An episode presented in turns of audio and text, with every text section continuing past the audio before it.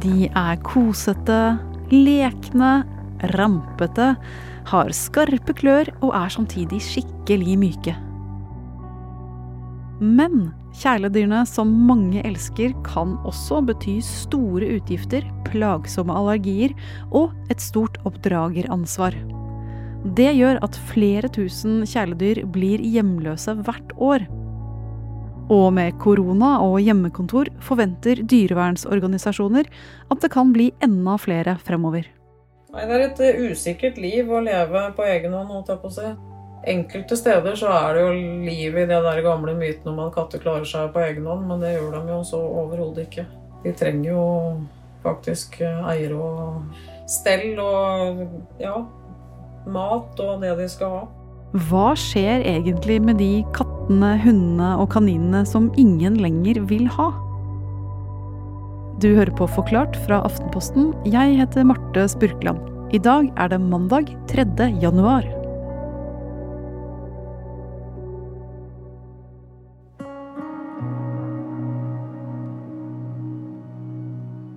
De siste ukene har jeg møtt flere katter enn jeg har i hele mitt liv. Jeg elsker katter. Jeg syns de er helt fantastiske. Eh, og så fikk jeg muligheten da til å gå inn i en campinghytte. Eh, hvor det var bitte små kattunger som kom løpende og pilende og lekte med meg. Eh, og for meg var det en drømmedag på jobb. Dette er Mari Aftret Mørtvedt i A-magasinet. Og Mari, på denne reisen din i dyreverdenen så ble du kjent med Vivian Nikolaisen, som er frivillig i Dyrebeskyttelsen. Kan ikke du fortelle litt mer om henne? Hun eh, kaller seg selv en eh, kattemor til eh, veldig mange ulike katter. I løpet av det siste året så har hun tatt vare på over 170 katter hjemme hos seg selv på småbruket sitt.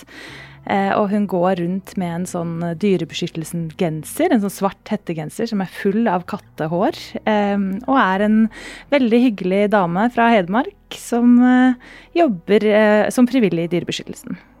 Men altså, 170 katter. Jeg har hatt én til to, og bare det kan jo bli litt sånn voldsomt. Eh, hvor kaotisk eh, er det? Det er katter overalt. Altså, hun hadde katter gjemt nedi genseren sin, bitte små kattunger som var eh, bare noen uker gamle. Hun hadde en hannkatt som var skeptisk til de andre kattene. Det var katter som krabba opp på sånne katteleker. Det var um, kattefat og kattesandesker hvor de kunne gå på do. Det var veldig mange katter som malte, for hun kom med mat da vi var der. Så det var rett og slett uh, utrolig søte kattunger overalt. Vivian bor ikke alene med alle kattene.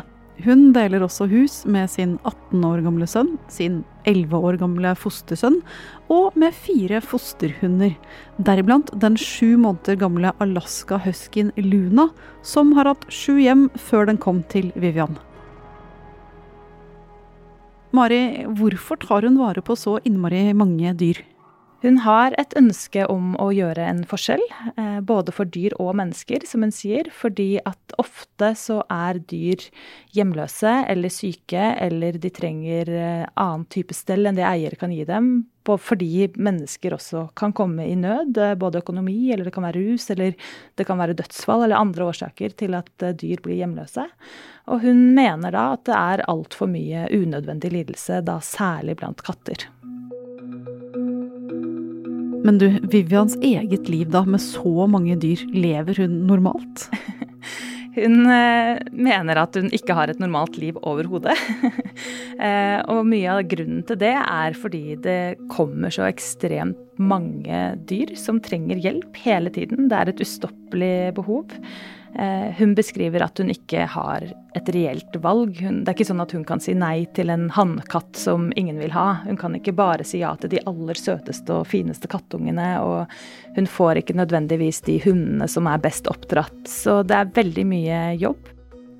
Hvordan preger alle disse kattene livet og hverdagen hennes? Inne hos Vivian det er der hun har de aller minste kattungene. Og det er klart at eh, alle som har vært i nærheten av en kattunge, vet at de er veldig viltre når de er små, så hun må sjekke oppvaskmaskina etter kattunger før hun setter på vasken. Hun må sjekke støvler og sko, eh, om det er en kattunge der før hun tar på seg skoen. Hun må sjekke jakkelommer og inni skap. Kriker og kroker, de gjemmer seg overalt. Eh, og da beskriver hun livet sitt som veldig unormalt. faktisk ei eh, jeg fikk inn her om dagen, eller før i sommer, da. Som hoppa på benken og la seg i steikepanna som jeg hadde tatt fram for å steike mat, liksom. Og da er det sånn ja. På sånne dager så føler jeg meg overhodet ikke normal.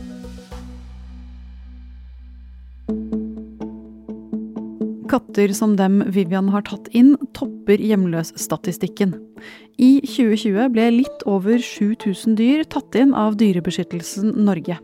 Og 90% av de dyrene, de var katter. Mange av dyrene som ender opp hos Vivian, har vært hjemløse, og noen er også syke. Og syke dyr trenger aller mest at frivillige gir dem et trygt hjem og passer på at de kommer seg til veterinæren hvis de trenger det. Og noen av situasjonene dyrevennene rykker ut til, er temmelig alvorlige. En gang fortalte Vivian at hun rykka ut til et helt kattekull eh, hvor alle kattungene var syke. De hadde klamydia.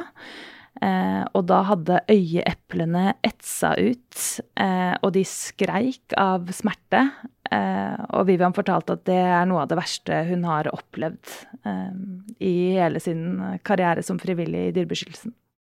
Og nå frykter Vivian at det skal bli enda flere vanskelige situasjoner.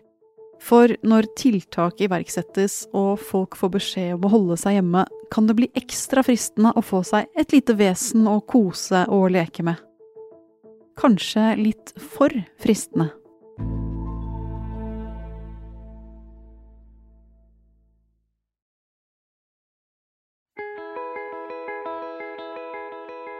Mari, hvis du søker på Finn nå etter kjæledyr, hva finner du? Eh, hvis jeg søker kattunge her, så hadde jeg 998 treff for fem minutter siden. Nå er det 999.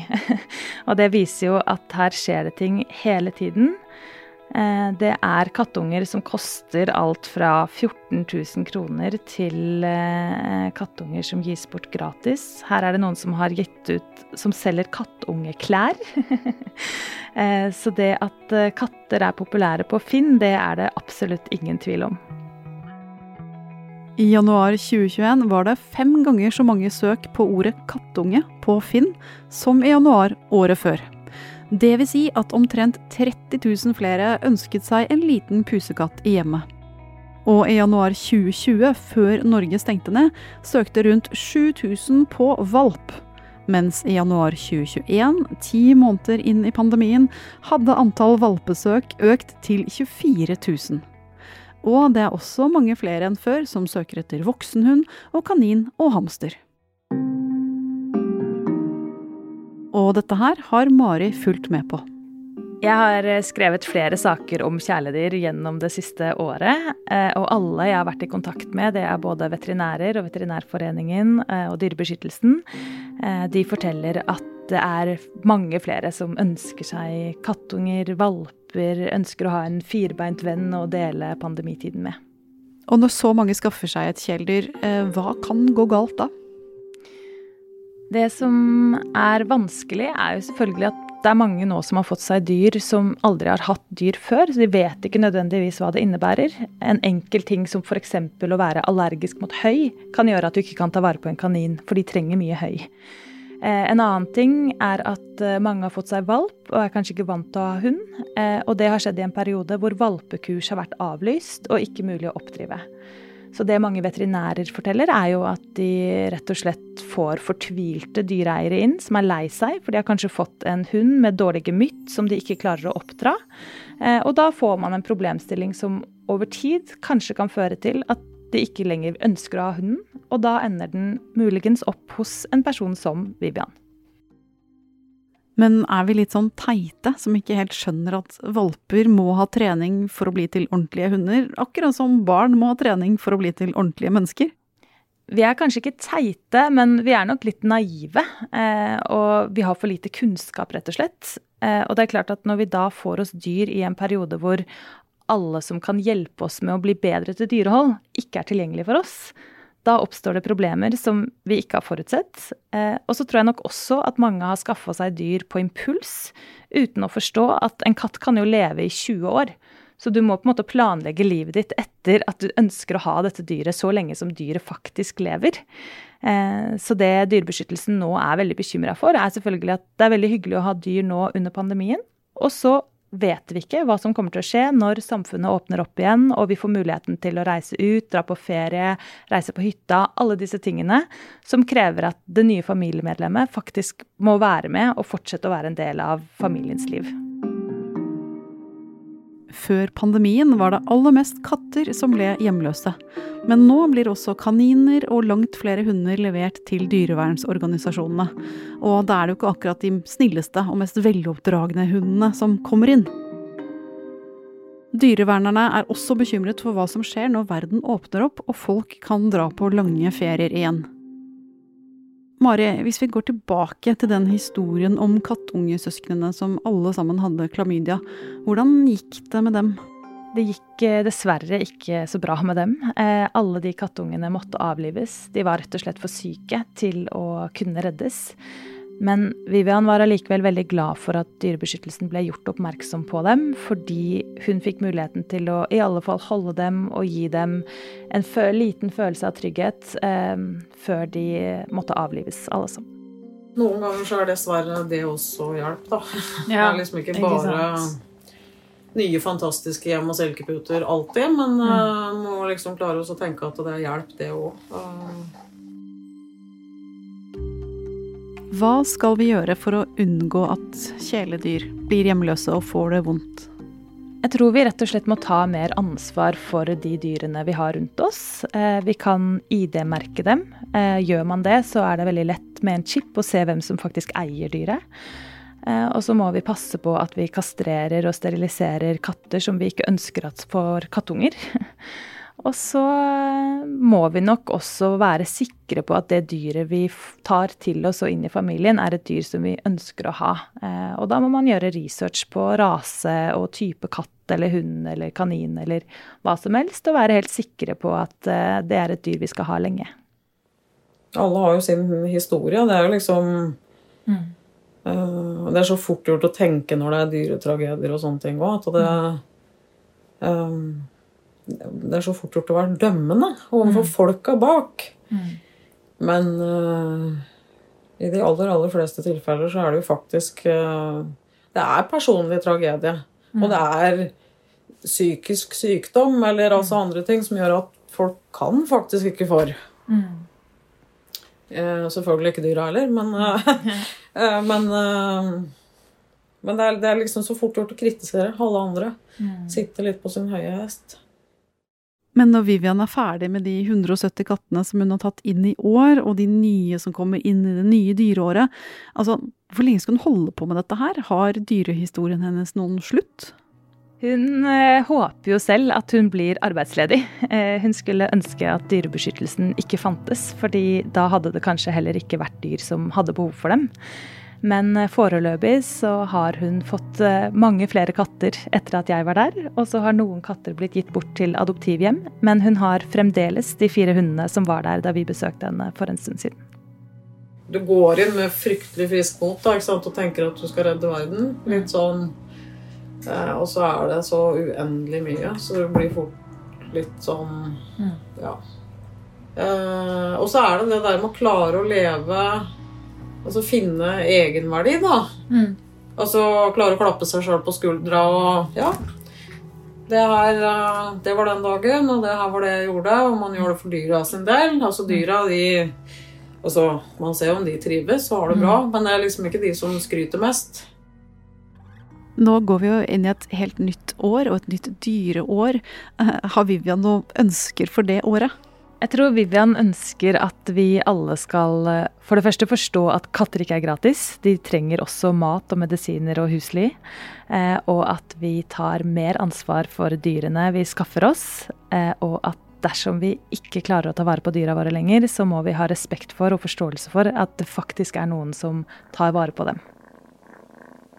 Jeg lever jo fortsatt litt i det håpet, da.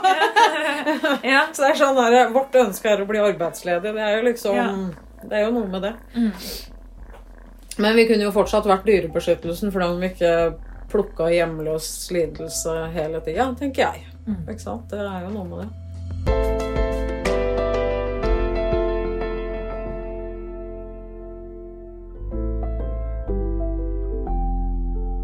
I dagens Forklart har du hørt Mari Aftret Mørtvedt om hjemløse dyr som blir tatt hånd om av Vivian Nicolaisen.